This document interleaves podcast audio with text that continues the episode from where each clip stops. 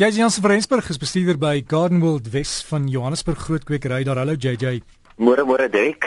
Ek is bly jy speel 'n liedjie van die gras wat groener is. ek het dit as prins gedoen want dit is moeilik hierdie tyd van jaar, veral in die binneland waar dit so droog is. Maar JJ het verskriklikheid geword het so skielik. Ja, dit het ons gevang.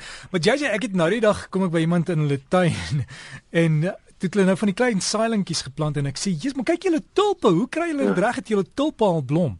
Ja, ja, Toe ek ja, ja. nader gaan, sien ek hulle het van hierdie satijn plastiek tipe tulpe. so tussen al die blomme gesit. Jy weet so die die bolletjies is besig om op te kom, maar hier is ja. die hele tuin met hierdie tulpe wat blom en dis nie regtig tulpe nie. Ek ek was ek was kwaad, maar dit het eintlik baie mooi gelyk. Weet jy net Derek, jy sal my net nog glo as ek vir jou sê baie van daai tuine wat mense oor see deurry, wel dit so verskriklik mooi gesnoei is en jou heininge is reguit gesny en alles. Baie van dit sit die mense of mengel hulle sommer hulle satijnplante saam met hulle gewone plante. En logies maak dit ook hulle werk baie minder, maar hier in Suid-Afrika kan ons dit nie sommer doen nie, want ons son is hopeloos te sterk. Hy brand ongaar binne die eerste jaar. Maar weet jy tog al interessant is, is nou dat jy praat van die tulpe so tussen die saailinge. Um, ons het toevallig hierdie week hier by Gardenwold het ons ons afodil bolle en baie van die ander bolle tussen ons saailinge ingeplant en dit maak dit eintlik soveel vroliker as alles begin blom wat baie baie mooi gaan wees want nou gaan ons twee verskillende tipes blomme in dieselfde bedding bymekaar kry wat eintlik in harmonie met mekaar groei. Ja.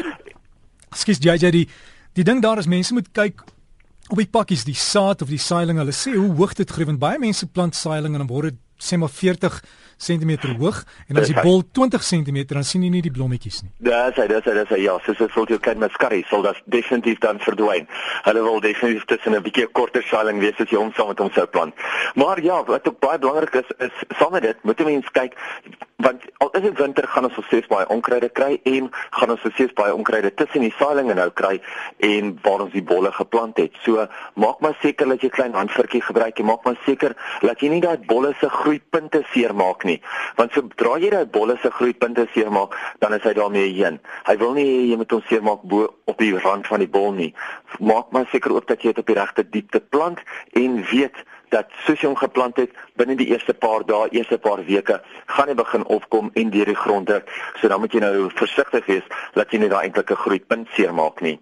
Iets wat ook nog interessant is, is ons het hier by ons, is ons besig om al die saailing knoppe die hele tyd uit te breek.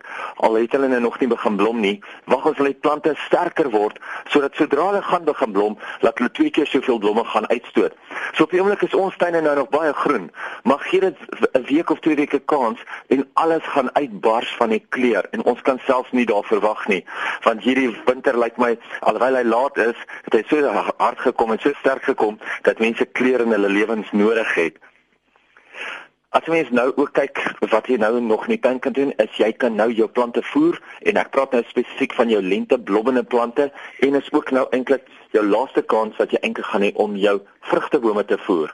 Want onthou sodra jy vrugtebome begin bot, wil jy seker maak dat hulle genoeg voeding in hulle het om baie sterk baie bloeisels, baie sterk bloeisels en ook genoeg bloeisels te kan gee.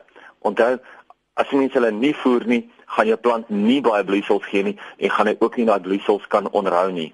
So maak net maar seker as jy nou jou plante voer, fokus op daai lenteblomme, daai vroeë lenteblomme en dan ook op jou vrugtebome en gebruik bietjie ietsie soos 'n 315 wat ook baie goed werk. En JJ as daar enige probleme in die tuin nou is, ek ek weet jy jy het ook laas ook gesê met die koue as as jy koue kry, moenie die plante nou snoei of sny nie. Los hulle wanneer hulle warm kombers vir die stam warm hou vir al jou piesangbome en jou boomvarings en goed. O, maar definitief. as jy probleme het, gaan vra by jou plaaslike kwekery wat beter ingerig is vir plaaslike omstandighede. Julle is in Gauteng, so wat jy oor praat pas nie altyd in die Kaap nie, maar die kwekerye daar is ingelig. Ja nee definitief. En soos ek dit verstaan het hierdie Kaap al so verskriklike koue weer gehad. Hulle wens al die winter weg al is dit net die vir 'n week. Hulle het darem ook al baie van hulle reën gehad wat baie belangrik is vir hulle uh Kaap Kaapse fauna en flora. Jy weet hulle het daai winterreën nodig. Maar ietsie wat ook nou deesdae by ons plaaslike kwekerye gebeur, is die snoei demonstrasies en ons snoei demonstrasie as jy hom so lank in jou dagboek wil skryf, gaan nie by Gardenwold wees gratis en verniet op die 21ste Junie. So dis op Vadersdag. So vir die van julle wat wil deurkom en bietjie weer julle self wil touwys maak of net weer bietjie wil opknap oor jou rose snoei, dit gaan gebeur deur Ludwig Taschner en sy span.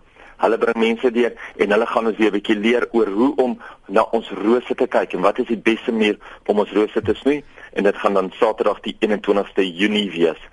Ek wil net gou 'n laaste dingetjie net weer herhaal wat ek nou al 'n paar keer gesê het en nou gaan die mense dit sien. Hulle gaan sien die verskil wat dit in die tuin bring. Baie belangrik om nou jou besproeiing drasties te verminder en dit op die regte tyd van die dag te laat nat maak. As jy nou jou besproeiing aanskakel of jou tuin nat maak, maak seker dat jy dit doen tussen 7 en 12 in die oggend.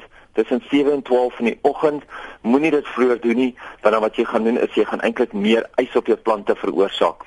So stel jou besproeiing of maak jou tuin nat tussen 7:00 en 12:00 in die oggend en halveer jou water van wat jy oor die somer sou gebruik het. Gelukkig nou in die Kaap hoef hulle baie minder water te gee nadat dit begin reën, maar hier by ons in die Hoofvaltens van halveer daai benatting, gebruik minder water, maar maak seker dat die kors van die grond kan droog word voordat die aandtemperature val. So gesels Jesse Jans van Rensburg van Garden World. Hulle webtuiste is gardenworld.co.za. Jy sal daar skakels kry na Facebook. En as jy JJ wil e-pos om te vra of ietsie is, jy by gardenworld.co.za. Lekker tuin maak.